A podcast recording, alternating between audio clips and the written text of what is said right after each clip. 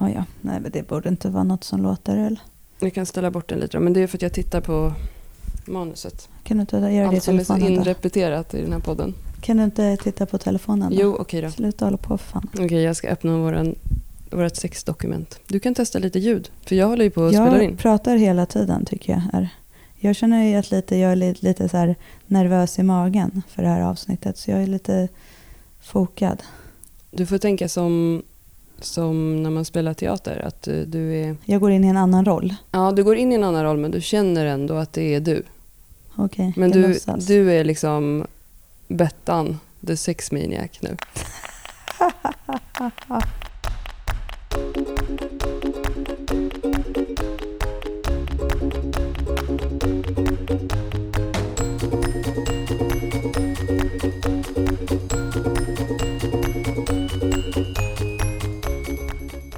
Bettan, Bettan, the sex man maniac. hur går det med träningen?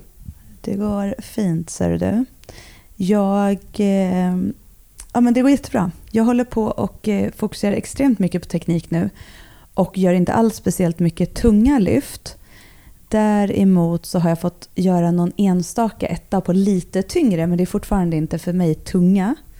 Men det känns väldigt bra. Jag har i böjen så jobbar jag med att inte få tyngdpunkten eh, eh, för långt fram när jag eh, böjer tungt. Utan att bli lite mer, inte upprest ska jag säga för att jag ska fortfarande vara framåtlutad eftersom det är mina vinklar. Men däremot att jag inte tappar tyngdpunkten. Och det har känts så bra. Och jag känner nu när jag har börjat gått upp och gjort någon enstaka tung att jag får ett helt annat tryck i både fötterna men också i liksom lår och höft. Men brukar du tappa, alltså nu pratar vi ju såklart om dina typ maxlyft, men brukar du tappa tyngdpunkten då? Alltså att stången förflyttas lite framför? Mm. Alltså det här är ju verkligen, nu, det här är verkligen på max max ja, ja. Men, är Men- det det som, för jag ser ju aldrig det från sidan. Nej, men det är väl att jag hamnar lite mer med vikten fram på foten. Det är fortfarande inte så att jag tappar... Det är inte som en good morning. Nej, men det som är syftet med det här är ju att jag ska kunna använda benen mycket mera. Mm. Där jag är som starkast. Eh, och istället kunna, så att egentligen handlar det om att lite förflytta kraften dit istället för att göra så tungt med ryggen. För även när jag gör mina tunga och att jag är lite mer fall, framåtfälld, så om man tittar på stången så är jag fortfarande inte framför kroppen för då skulle inte jag kunna resa mig upp med den vikten. Men så att syftet är ju att jag ska kunna lyfta ännu mer såklart. Mm. Eh, så att, och det har vi jobbat med en del nu då och det känns jättebra. Eh, jag har ju fortfarande inte gått upp och gjort liksom tungt, tungt men, eh, men eh, teknikträning behöver man ju göra på lättare vikter. Så det är mycket att hitta rörelsen men just det jag känner nu skillnad är att jag kan använda fötterna mer också. Alltså att jag trycker mer och att jag får en bättre position. Roligt. Så det känns jättekul. Så vi får se vad det leder. Eh, Men det som jag också känner som är jäkligt roligt är ju att efter alla mina pass nu, både när jag har gjort böj och även marklyft, så har jag ett helt annat tryck i eh, alltså sexpacket rent utav sagt. Som vi ska snacka om idag. Ja, att jag, att jag använder bålen så mycket mer på ett annat sätt. Eh, och jag har väldigt mycket träning för bålpartiet i mina övriga assisterande övningar. Så det är mycket alltså, obliker, sneda magmusklerna och sexpacket som jag jobbar mycket med. Mm. Och det känner jag verkligen, och vilket känns ju också roligt. Så att jag har fått liksom ta lite omtag med bu- buktrycket för att jag hamnar lite annorlunda i mitt bottenläge. Så innan jag precis ändrade tekniken så började jag känna så att jag inte riktigt kunde slå på i botten. Eh, och det handlar ju bara om att jag kommer lite andra vinklar. Så när jag väl fick öva på det så kändes det jättemycket bättre. Så nu har jag verkligen så här, känns som jag går runt i en crunch efteråt. Mm. Så det känns bra. Och i marklyften så jobbar jag ju jättemycket med att använda ben och rumpa till max. Alltså i starten att verkligen driva med benen. Och det gör ju jag. Men det som hände lite i slutet och framförallt på tävlingen det är också på de tyngsta lyften. Så det är klart att någonstans kommer det ju komma att du ändrar rörelsen. Men det är lite att jag går ifrån mina vinklar. Så just nu jobbar vi jättemycket på att jag ska bli stabil i mina starkaste vinklar. Men om jag slänger ut ett påstående då, Mm. eh, så får du sä- säga vad du tycker om det. Mm. Eftersom att framsida lår är den mest dominanta muskelgruppen i en knäböj. Finns det någon poäng då med att jobba med sina svagheter i magen? Är det inte bara bättre att bli starkare i benen så kommer du få upp eh, tyngre vikt? det är jättebra men jag behöver ju också, jag måste lägga lite extra fokus på magen för att jag behöver öka min volym där för att ha mer muskler att ta i med i mitt buktryck. Varför har du mindre volym på magen? För att jag inte har tränat tillräckligt mycket där. Du, du ser så nervös ut för jag ställer så här ledande frågor. Men det här är någonting som debatteras lite i, i styrkelyftscommunityt. Det är ofta vi ser så här, vilken muskelgrupp aktiveras och vad behöver jag bli starkare i rumpan och så här, ja, du behöver egentligen bara bli starkare för att bli starkare i böj. Men en sak som, och varför vi ska prata om sexpacket idag är för att vi träffar ju många som har varit gravida också. Eh, och även just det att, att träna mage, så här, nu gör jag typ citationstecken i luften, är ju lite fult. Mm. Alltså det är någonting som anses vara väldigt ytligt. Eh, men om man tänker på dig då Johanna, som är, alltså du har ju skitstarka ben. Det är ju de som jag är mest avundsjuk på i din träning. Och du kan ju verkligen använda dem i din träning och du har ju alltid varit stark i benen. Alltså all hockey, all styrketräning. Men du har också fött tre stycken barn eh, och du har haft ganska stora magar. Du har fått en lite tunn bukhinna på framsidan av magen. Du har haft ett navelbrock och du har haft en, en magmuskeldelning. Alltså, och det här låter ju så här, oj shit eh, crazy. Men det här är som det ser ut för jättemånga kvinnor vi träffar. Det är ju inte konstigt. Alltså, vi pratade ju någonting om graviditet och jag sa så här, men det är typ, alltså man har ju blivit uppsprättad och sen ska man ihop igen. Det är ju inte konstigt om man känner att då att magmusklerna eh, sackar efter lite jämfört med den andra träningen. Och just det här att träna på svaga länkar så kommer du ju känna någonting av det. Det betyder ju inte att du kommer sluta göra knäböj för det och bli ännu starkare i benen också. Men om du kan komma till liksom en högre nivå med din mage också så, så klart att det kommer hjälpa till. Mm, och när det gäller just de bitarna så insåg jag också så när, jag, när jag fokuserade lite extra på mitt buktryck, nu måste man också tänka på att för mig handlar det ju om att jag vill kunna dra 200 i mark och jag vill kunna böja typ 160 kilo.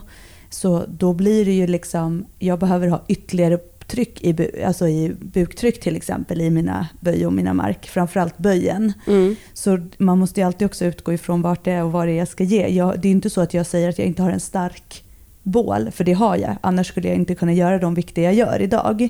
Men för mig, jag vill ju öka mina förutsättningar för att kunna lyfta ännu mer. Eh, och att framför allt eh, kunna bli ännu hårdare i egentligen bål och överkropp. Så det är det som min, mycket av mina assisterande handlar ju om, att bli ännu hårdare där. Sen gör ju jag jättemycket böj och mark, vilket gör att jag kommer bli starkare. Jag känner ju det redan nu på bara den senaste tiden så har jag ju märkt också att min volym i benen har ju ökat. Ja, jag, jag sa ju det till dig att dina quad syns bakifrån. Mm. När man, står ja, pratar, när man ser dig stå och prata med någon med ryggen emot så sticker låren ut på sidorna. Och det är ju skönt, för jag vill ju ha stora lår. Jag men... är jätteavis på det. Men, och det, det som jag tror att jag bara försöker manipulera dig till att säga det som jag egentligen tycker. Men när, när det blir sådana här diskussioner med eh, du behöver eh, bli starkare i gluteus för dina knäböj, du behöver bli starkare verkar i magen för dina knäböj. Så finns det de som säger så här, eh, sluta hålla på i princip och så här, gör knäböj. Och ja, men nu, och det var det du sa nu som var så bra, att du gör det här i dina assisterande övningar. Eh, det här behöver inte vara antingen eller. Det är lite som det här med squat routines och rörlighet och att man ska sitta hemma på kvällen. Om du vill bli bättre på knäböj så är det såklart att du måste göra knäböj också. Och det gör ju du. Men väldigt många eh, kommer få ut fördelar, alltså de kommer få fördelar i sin övriga träning. Det behöver inte vara knäböj och marklyft bara heller genom att ha en starkare mage. Och magen är ett sånt område som vi kvinnor som har varit gravida har blivit lite så lurade att vi inte ska träna för att det är dåligt. Och då är det klart att magen också ligger efter. Ehm, jag har en PT-kund nu som, jag tror att det kanske för ett halvår sedan, så testade vi sit-ups och då kunde hon göra typ fyra stycken. För det, fanns, det var liksom som ett hål där inne. Och nu gjorde vi det häromdagen och hon, jag fick säga så här, nu får du sluta, nu får vi göra en annan övning. För hon kunde, nu kunde hon ligga och göra det hur mycket som helst. Och det, vi har lagt mycket fokus på att träna magen. Eh, och det är klart att det blir en svag länk om, ja, man, om, man, om man har just de här uh, olika aspekterna av det. Och det tror jag, folk kan bli så himla kategoriska när de diskuterar sådana här saker. Ja, men om man tittar när vi jobbar med till exempel i knäböjsworkshopen så är det ju så här, många av den, de tjejerna vi träffar, kvinnor, de är starka i benen. De har jättebra muskulatur i ben och i rumpa och allting.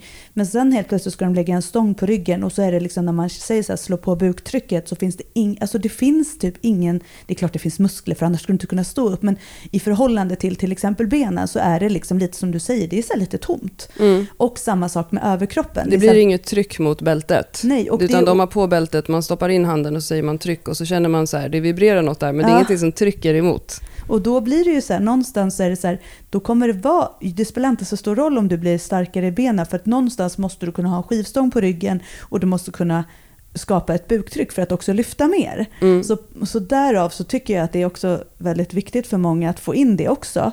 Sen är det ju som du säger, och så här, du måste böja och om man tittar till exempel på min träning så böjer jag skitmycket. Mm. Alltså jag gör så mycket böj och så mycket, liksom, om man skulle titta på min totala tonnage, alltså min totala mängd jag lyfter, så är det mängder på en vecka. Eh, så att jag gör ju jättemycket böj. Så det är inte på något sätt att så här, vi minskar ner på böjen och, och, bara lägger tid på det här, utan jag gör ju det i min uppvärmning, precis det som vi pratade om i uppvärmnings mm. eh, avsnittet som kom lite senare. Eh, att just det här att det handlar ju om att till exempel träna på buktrycket, att hitta nervsystemet, att eh, fokusera på att slå på rätt, men också att lägga lite extra fokus för att få lite mer volym på oblikerna mm. för att kunna använda dem när jag trycker mot bältet. Ja, ett ökat tvärsnitt kommer också göra att du har mer kompisar som kan hjälpa dig när du ska spänna någonting. Det tycker inte jag är någonting konstigt. Men det har ändå blivit lite så här, sexpacket tränar du i köket. Och absolut så är det så att om du vill ha ett synligt sexpack så handlar det ju om andra saker för att de ska synas på magen. Men alla har ett sexpack.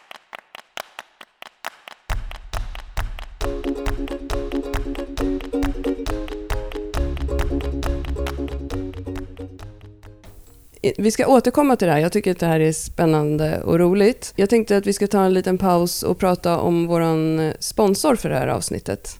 Nu, det är nu jag ska gå in i den här rollen som du sa. Bettan. Bettan. Raffiga Bettan. och nu kom lite det här nervössnacket. Ja. Eller skrattet. Ja, ja men det, det känns jätteroligt. Ja. Vi, har, vi har ett nytt samarbete med Vuxen och eh, vuxen.se alltså. Och det är ju skitroligt. Även om jag är lite nervös och har lite så här nervös magont nu så är det väldigt kul. Dels för att det är många som har frågat om vi ska ha något mer samarbete med dem. Mm. För jag tror att man är lite taggad att fylla på eh, förrådet med diverse tillbehör efter förra gången. Eh, man kanske har hittat någon favorit som man vill utveckla eller någonting. Så vi har ju lite produkter som vi ska prata om och några har vi faktiskt pratat lite om tidigare. Mm. Eh, men har, nu har vi fått möjlighet att testa samma produkter båda två, vilket vi tyck, jag tycker är roligt, för det är lite roligt att jämföra vad vi tycker. Mm. Så vi hoppas att vi inte tycker exakt lika då, men Nej, se. det tror jag inte vi gör. Eh, så att koden hos vuxen eh, är STARK20, alltså ihopskrivet, STARK20.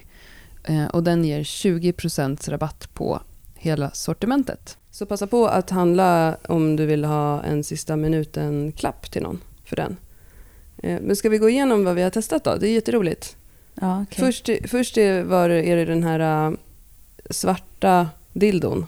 Vanessa ja, heter den va? Power Vanessa massagestav. Mm. Kostar 699 och är ju en, skulle jag säga, väldigt lyxig variant av massagestav. Eh, den är, eh, laddas med USB. Det tycker jag är väldigt lyxigt, men det gör ju att produkterna blir eh, Och sen dyrare. är det så här magnetladdare också. Mm. Det är också ett plus. Att den liksom säger dunk och så fastnar den på den. För att vissa av de här produkterna har en sån här eh, litet hål som man ska försöka hitta laddaren och stoppa i. Eh, men den här laddaren tror jag också är mer hållbar. Alltså en USB med en magnet. Mm. Ja. Men, eh, och den är ju, det är en massagestav som man kan använda åt båda hållen. Alltså den är den har massage på. Alltså den är liksom, det finns inget så här, ena sidan ska in eller den andra, utan Nej, båda Jag sitter och skrattar och jag tänkte så här, båda hållen, okej, okay, U-turn brukar man kalla det. Okay. vad fan? Double ender. ja men vadå, vad säger man då? Kan Nej, du men absolut. på? Ena sidan av den ser ut lite som en sån här mikrofon som du och jag sitter och pratar i nu. Ja, den är lite och mer den, rundad. Som den är till boll. för liksom extern vibration, alltså klitorisstimulans, eller var man nu vill vibrera någonstans. Man kanske vill vibrera på andra ställen eh, mellangården på en snubbe eller någonting. Men Eh, den andra delen är då till för intern, eh, skulle jag säga. Stoppa in den. Extern och intern njutning. Extern och intern njutning, det är ändå härligt. Mm. Eh, och jag måste säga att jag, jag tycker att den här var jättebra.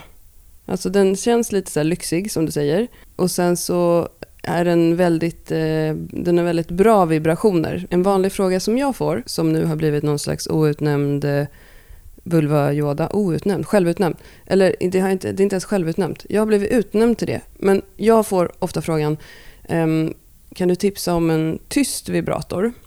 Och ehm, jag har forskat lite på det, därför att för mig är inte det jätteviktigt att en vibrator är tyst. Eh, jag har inget problem att använda en vibrator med min partner. Så jag vet inte om det är därför man vill att den ska vara tyst, för att man alltså vill, alltså att det är lite skämmigt eller så. Det kan ju också vara så typ att man sover i samma rum som sina barn eller någonting, så man måste ha någonting som är tyst. Men när jag har sökt lite på det, då har jag faktiskt efterforskat det till andra personer som har frågat. Då har jag sett att det är inte så vanligt att hitta en som är tyst. Och det kan man ju inte säga att den här är heller tyst. Nej, Nej, alltså det är klart, för den är ju ändå ganska ordentlig.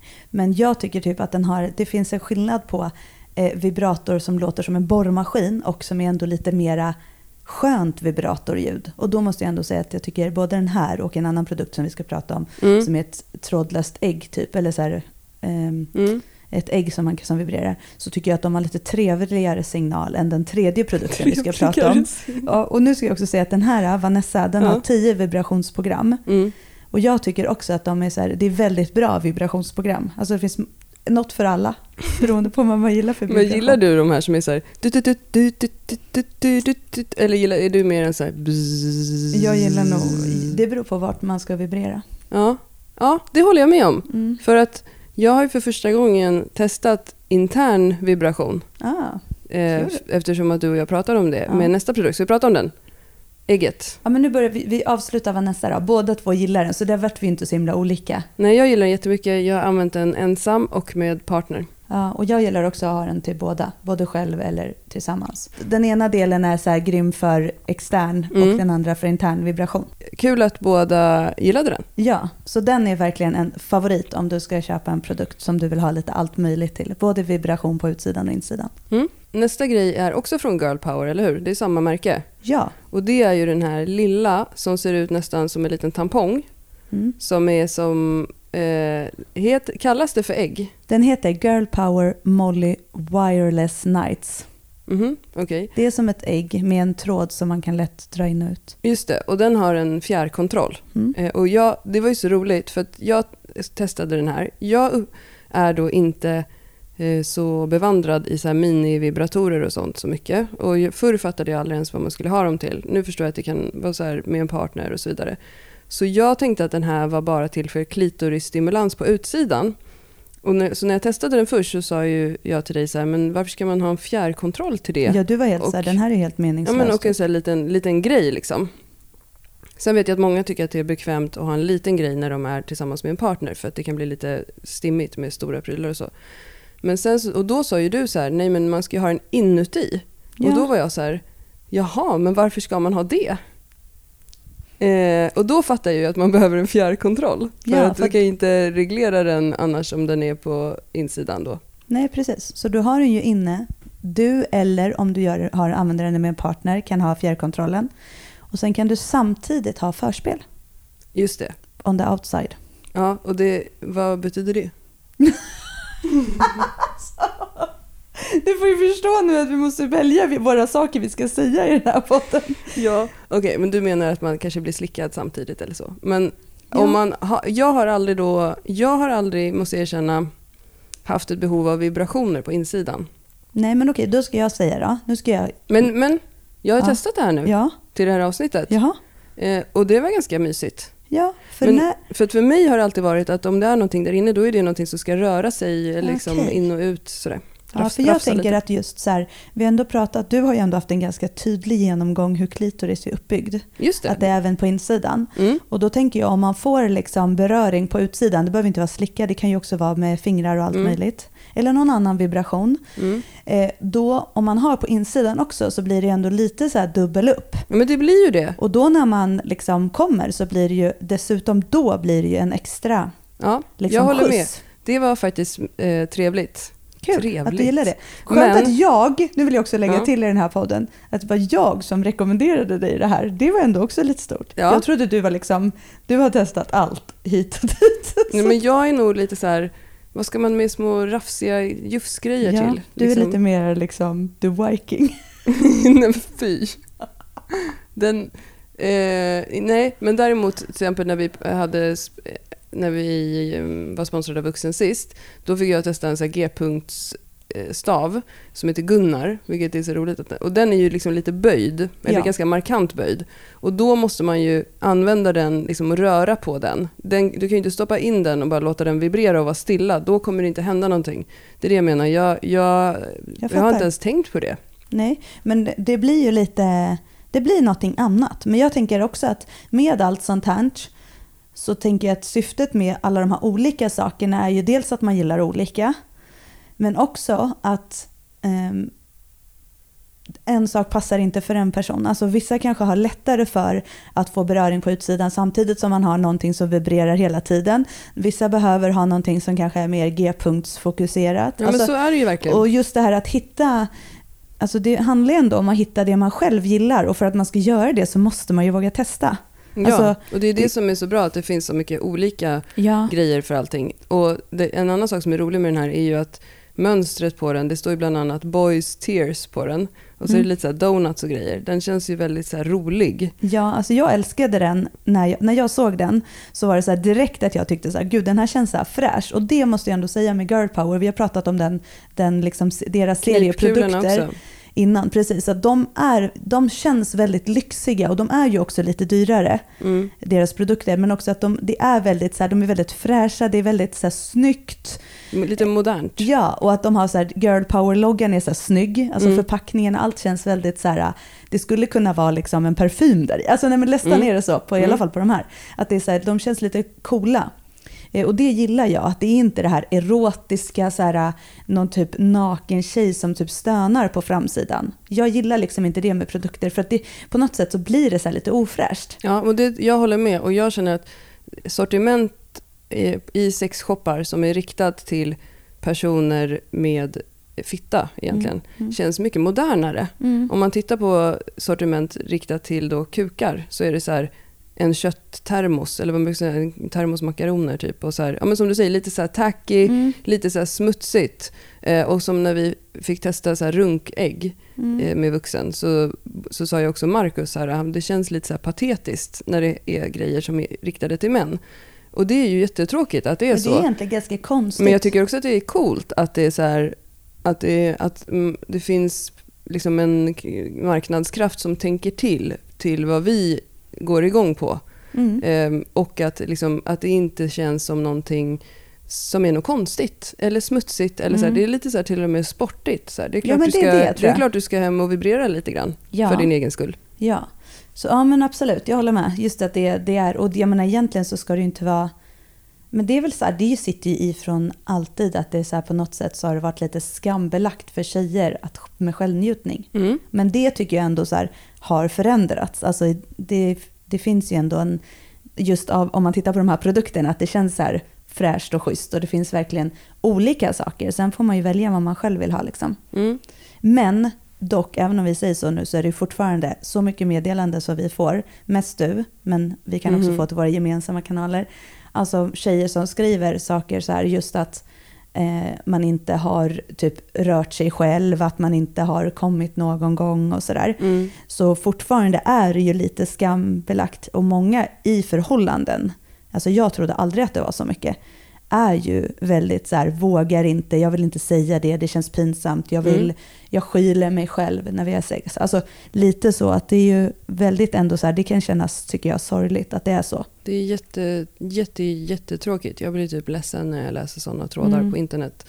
Um, men ofta så får, det är ju må, väldigt många fina personer ofta som är inne och skriver. Det kan ju vara ofta att någon frågar sig, jag har aldrig kommit, mm. hur ska jag göra det och sådär.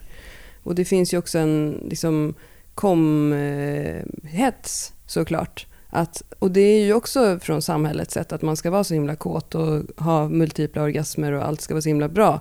Och sen så kom, har man den här vardagen omkring sig som inte alls är kompatibel för det. Um, och det känns ju också väldigt sorgligt. Och jag tänker också att en av de andra produkterna vi har fått testa eh, så vill jag också slå ett slag för att sex inte behöver vara eh, involvera könsorgan och orgasmer utan sex och närhet är ju också någonting som är jätteviktigt i relationer. Och jag upplever, och har upplevt det själv också, att de här äh, småbarnsåren som många som vi träffar är i, eller bara att man har barn och jobb och träning och pussel, att man lätt glömmer bort det här med beröring i vardagen. Alltså gå förbi din partner vid diskbänken och ge den en puss eller klappa på den. När, när det försvinner, det är då man är lite i så downward spiral.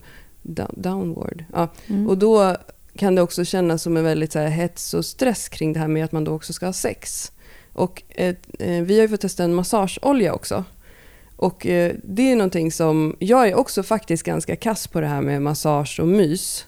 Alltså jag är ju faktiskt egentligen inte en person som håller på och älskar när jag har sex och sådär.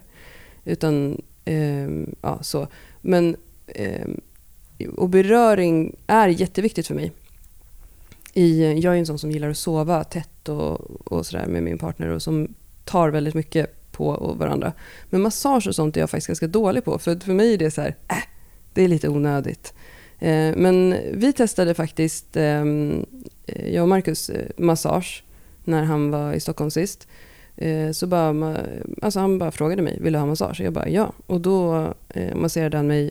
Eh, och sen så blev det ju att vi hade sex. Ja men det blir ju ändå lite ja, Men det jag vill säga är att det behöver ju inte bli det. Och det tänker jag så här, om man känner att det känns som en stress och press kring det här med sex och att man ska vara någon så här sexperson. Eh, prata med din partner då och se om man istället kan göra såna här lite mysiga små minisaker. För precis som vi pratar ofta om träning och hälsa, förändra en liten grej eh, som kommer ge en stor effekt under en lång tid. Och då kan ju det vara till exempel så här, men ska vi massera varandra fem minuter ikväll? Och det ska inte leda till någonting annat. Eller att man, så här, en sak som jag också tycker ger jättemycket min närhet och så här, det är ju eh, alltså sexting höll jag på att säga nu, men så här, intima sms och sånt. Att man pratar med varandra under dagarna, för om man inte har tid att ligga med varandra, det kan ju faktiskt vara så. Men att man då, och jag har ju ändå ett distansförhållande, vi, det, ibland går det två veckor mellan att vi ses, men att man hela tiden liksom har ett litet snack på gång. Då, då alltså har man så här lite närhet, att man tar på den andras arm när man går förbi, att man bestämmer att vi ska inte ha sex utan vi kanske bara ska ta på varandra ikväll.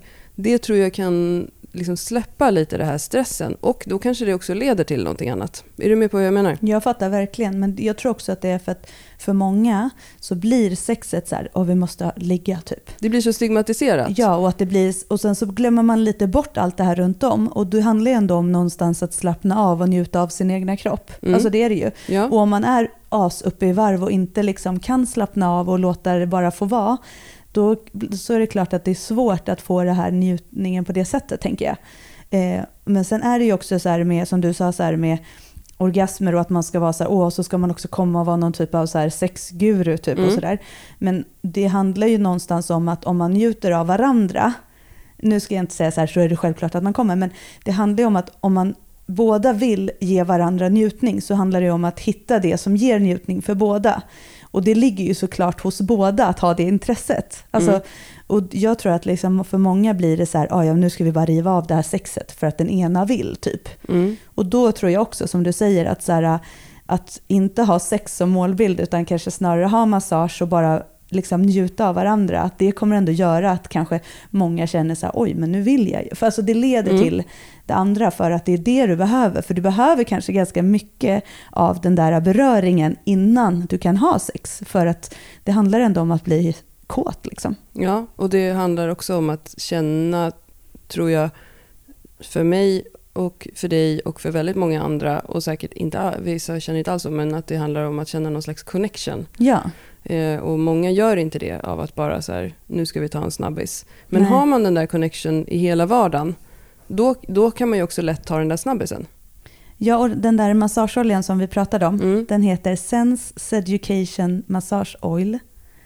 Och sen så finns det med olika eh, vi har testat den med lavender, orange lavender heter den. Det tycker jag, lavendel gillar jag för att uh, många sådana örter och essentiella oljor och jag tycker att det ofta blir för mycket med ja. sådana. Men lavendel tycker jag är så här rätt fräsch doft.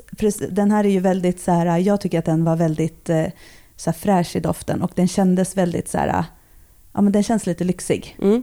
Så den, det är ju verkligen en, en så bra, bra dos till sig själv att massera varandra lite. Ja. Härligt. Men du, sen har vi en produkt till. Yes. Och det är en mini-vibrationsstav. Den mm. har vi pratat om tidigare, för du gillar den. Eh, och den heter, eh, märket heter Yellow. Mm. Yellow. Yellow. Jag tror att det är samma som har gjort den här Gunnar som jag pratade om, ja. G-punktstaven. Yel och det är ju, vi hade ju när vi gjorde ett test sist, ja, Yellow, ja. så gjorde vi ju så här budget versus lyx. Och då, ja. det var då du testade det här Girl Power-märket och jag testade mm. Yellow. Och eh, det här är en sån här mini-vibrator som är till för klitoris eller typ bröstvårtor och sånt kan man mm. använda den till också. Den är budget och det är ju också någonting bra med den för såna här grejer är sjukt dyra. Den kostar 199 kronor. Minuset är då att den är batteridriven. Och det får man väl tänka lite hur man vill om. Um, men, um, och du sa så här, du gillar den. Jag gillar den absolut. Jag tycker att den har varit bra att ha med sig på resa. den tar inte så mycket plats. Den är smidig att använda med en partner om man bara vill ha en vibrator samtidigt. Um, och sen så det negativa då, det är ju att den är budget. Det finns inte en massa andra grejer med den som är... Det finns inga så special features eller någonting. Det är en liten grej som ett, liksom ett större läppstift som vibrerar. Och eh, vissa tycker då att den vibrerar väldigt högt. Det är det som är det negativa. Men den har väldigt positiva recensioner på vuxen. Men jag som sagt bryr mig inte så mycket om det. Eh, att, den, eh, att den låter. Alltså det, för mig känns det så naturligt. Du har en vibrator, den kommer låta vibrerande. Mm. Men som du sa, du vill ha ett lite trevligare ja, men jag tycker, att, jag tycker att om man jämför med de andra två som produkterna vi har pratat om idag så tycker jag att den har mer ett så här borrliknande ljud. Och jag bryr mig verkligen inte att det vibrerar eller att det låter. Jag använder den tillsammans mm. med min partner så jag har inget behov av att jag ska göra det i smyg eller att ingen ska höra. Mm. Möjligtvis barnen, men de hör inte i alla fall. De ligger inte i närheten. Liksom. Och så högt låter den inte. Men jag tycker att den här, jag upplever den som lite mer så här borrmaskin. Mm. Att den har lite mer så här oskönt ljud. Mm, men, men, det är samma med den här Satisfyer Pro som vi också har testat i podden. Ja, som är så otroligt populär. Ja. Jag tror att alltså, de här lufttrycksvibratorerna har ju verkligen också, tycker jag, på ett positivt sätt blivit eh, liksom en feministiskt sexredskap nästan. Men de, den låter ju också så här, och den låter ju då kanske inte heller på ett så här naturligt sexigt sätt, för den Nej. låter ju så här duft, duft, duft, duft, duft, ja. duft, duft. Ja, men precis. Men den, jag gillar inte den för att den, jag gillar själva jag gillar själva beröringen. Och den är ju så här, den blåser ut som luftvåg, eller luftstötvågor typ. Eller mm. våg, så här. Det känns Luft. som ett sug. Mm. Det känns som att det är någon som suger på klittan. Det tycker jag ja, är okay, Det tycker inte jag att det känns som, men okej. Okay. okay men du använder den typ en halv sekund? Ja, men jag tyckte inte den var bra. Men alltså det är jättemånga som älskar den. Och ja. det är jättemånga som typ aldrig har fått en orgasm som får det av den. Ja. Så jag är verkligen så här då, men, men det är ju så här som vi sa tidigare, man gillar olika saker. Mm. Och det handlar ändå om att hitta det man själv gillar. Sen så typ så här, jag tycker att den är lite så här när man ska använda den tillsammans med sin partner. Den är typ... otrolig, okej okay, där måste jag säga också, där går min gräns. Ja. Den är så ful. Det känns ju som att så här, nu tar vi fram... Limpistolen. Limpist, exakt, limpistolen eller borren älskling. Eh, nej, precis. Den, eh, den, den, är, den används inte bättre. med partner i den här nej. familjen heller. Så den kanske är roligare att ha själv då, då om man känner att man gillar den? Mm. Eh, eller... Den kan vara så här om man behöver en snabbis med sig själv, måste jag erkänna. Ja, men då tar jag hellre något annat. Jag, nej, jag dissar den alltså, faktiskt. Det är för jag kommer på fem sekunder av den. Ja, typ ja jag en, kanske två, ska ge den en chans fyr, fem. till. Men det finns, ju, det, det finns ju olika hårdhet i de där Jo, jag vet, men jag tyckte fortfarande att den var lite konstig. Mm. Ja, nej, okej, okay, men den, den, är ja, den har vi delade. Den ser ut som den här duschen som kommer upp i Teletubbies, du vet, eller så här, när det är alla de här leksakerna så kommer det upp en, så här, typ en dusch. Så här, da, da, da, det är en typ en, en ja. stor Alltså den skulle kunna vara en liten hårfön eller vad som helst. men men, som sagt, man, den är, ja. för de som gillar den så ska man verkligen... Nu ska vi avrunda det här snuskeriet. Men eh, om man vill stötta den här podden så tycker vi att det är härligt. Eh, så kan man använda koden STARK20 så får man 20% rabatt. På vuxen.se.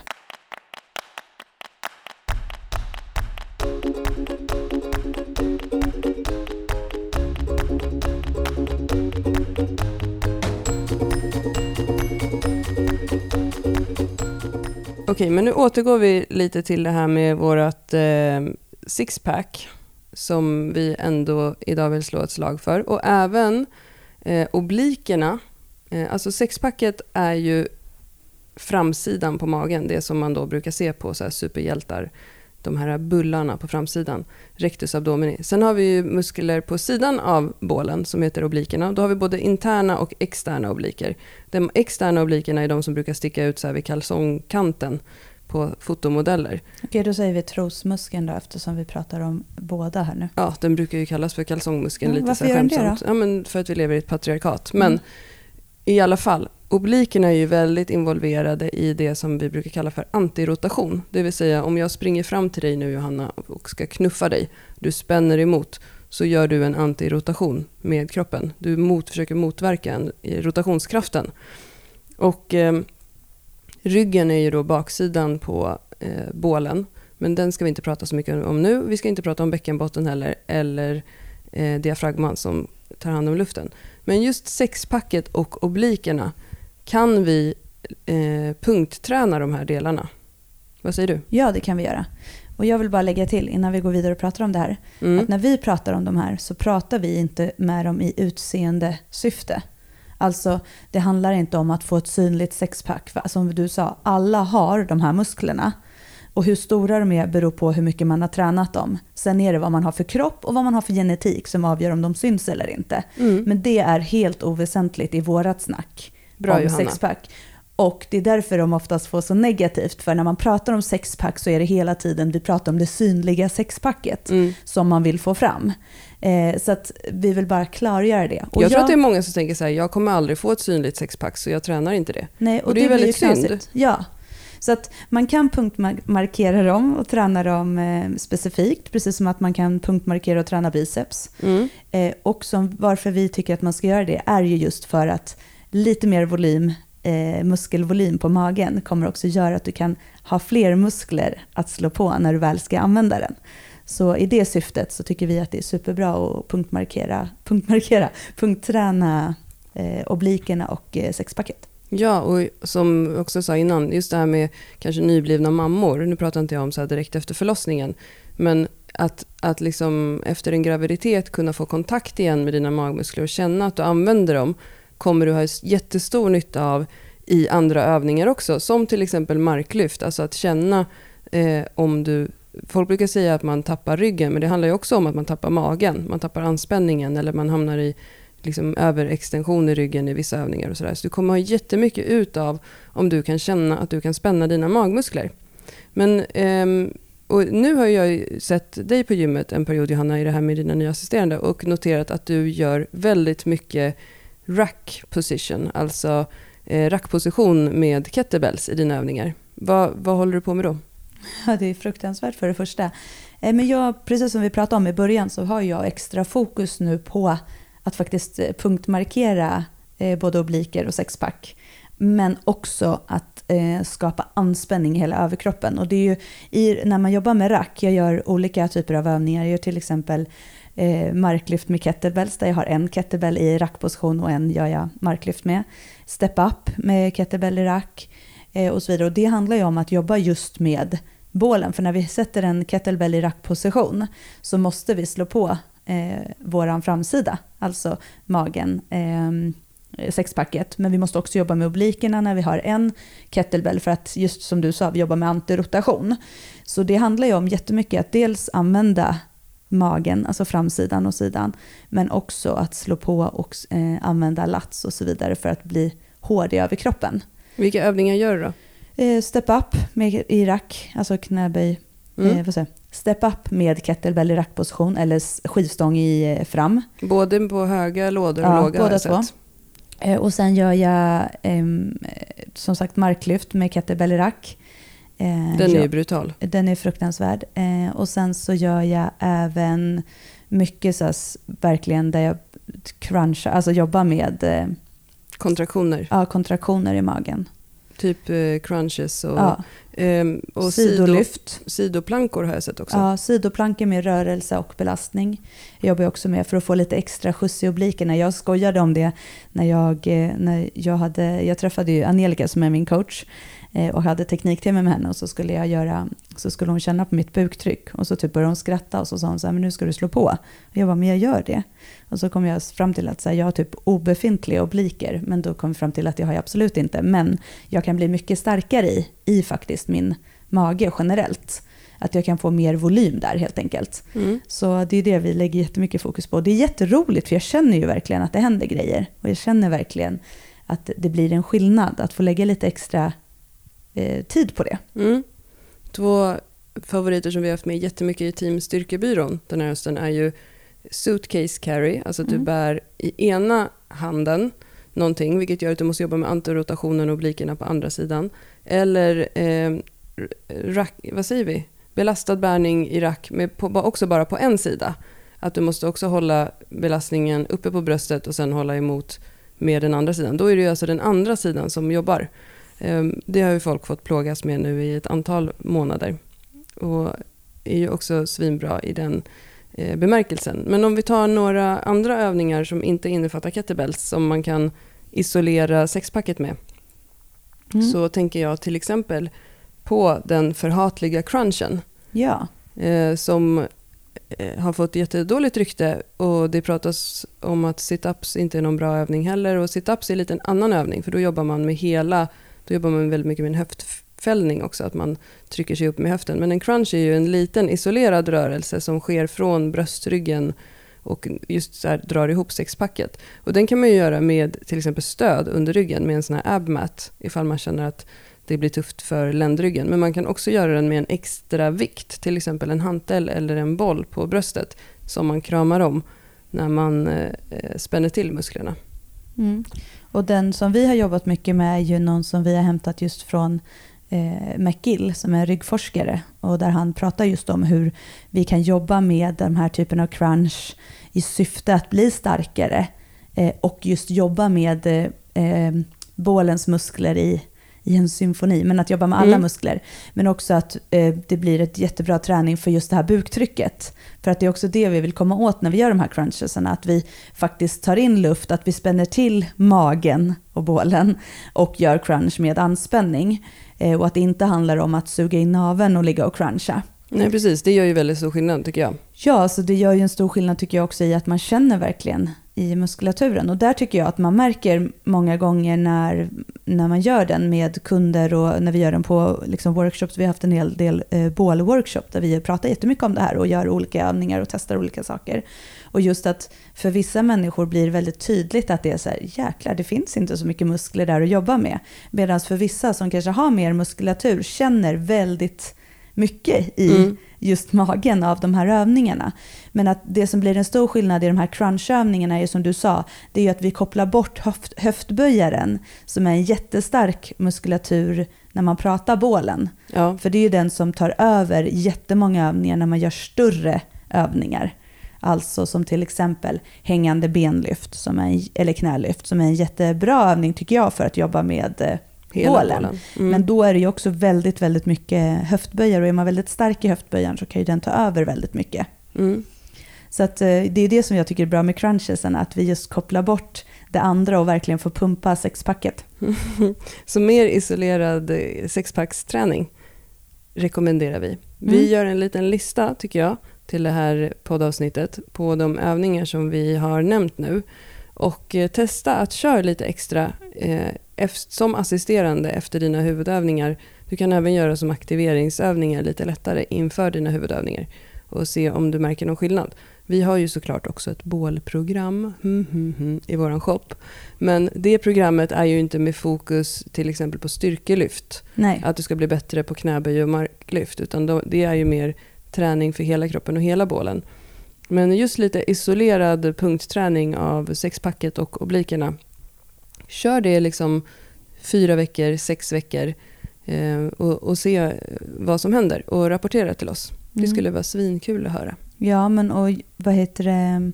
Det är många som säger just så här att ja, men jag har inte tid och om jag ska lägga tid på någonting så måste jag lägga tid på de stora övningarna som ger större resultat. Och där kan man ju välja att faktiskt bestämma sig för att fokusera på det som en eh, att man har fokuserad träning under några veckor och bara se om det blir skillnad. Men man kan ju också göra det en eller två övningar bara jättesnabbt. Mm. Det behöver inte ta mer än tio minuter efter sina skivstångs, sin skivstångsträning. Så att det behöver ju inte vara så att man ska lägga liksom massor med tid och måste lägga en Nej, timme men till Det är ju också ganska många som lägger tid på att få stora armar. Ja. Så jag menar, vad är skillnaden? Ja, lägg lite mer tid på...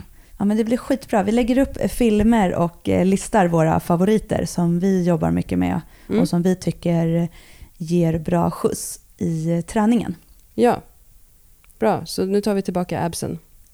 Tillbaka med absen och självnjutningen. Jag står upp för absen. Och jag står upp för självnjutning. Gud vad härligt, då kan vi byta fokus i den här podden. vi hörs igen snart, om några dagar. Bra. Hej. Hej.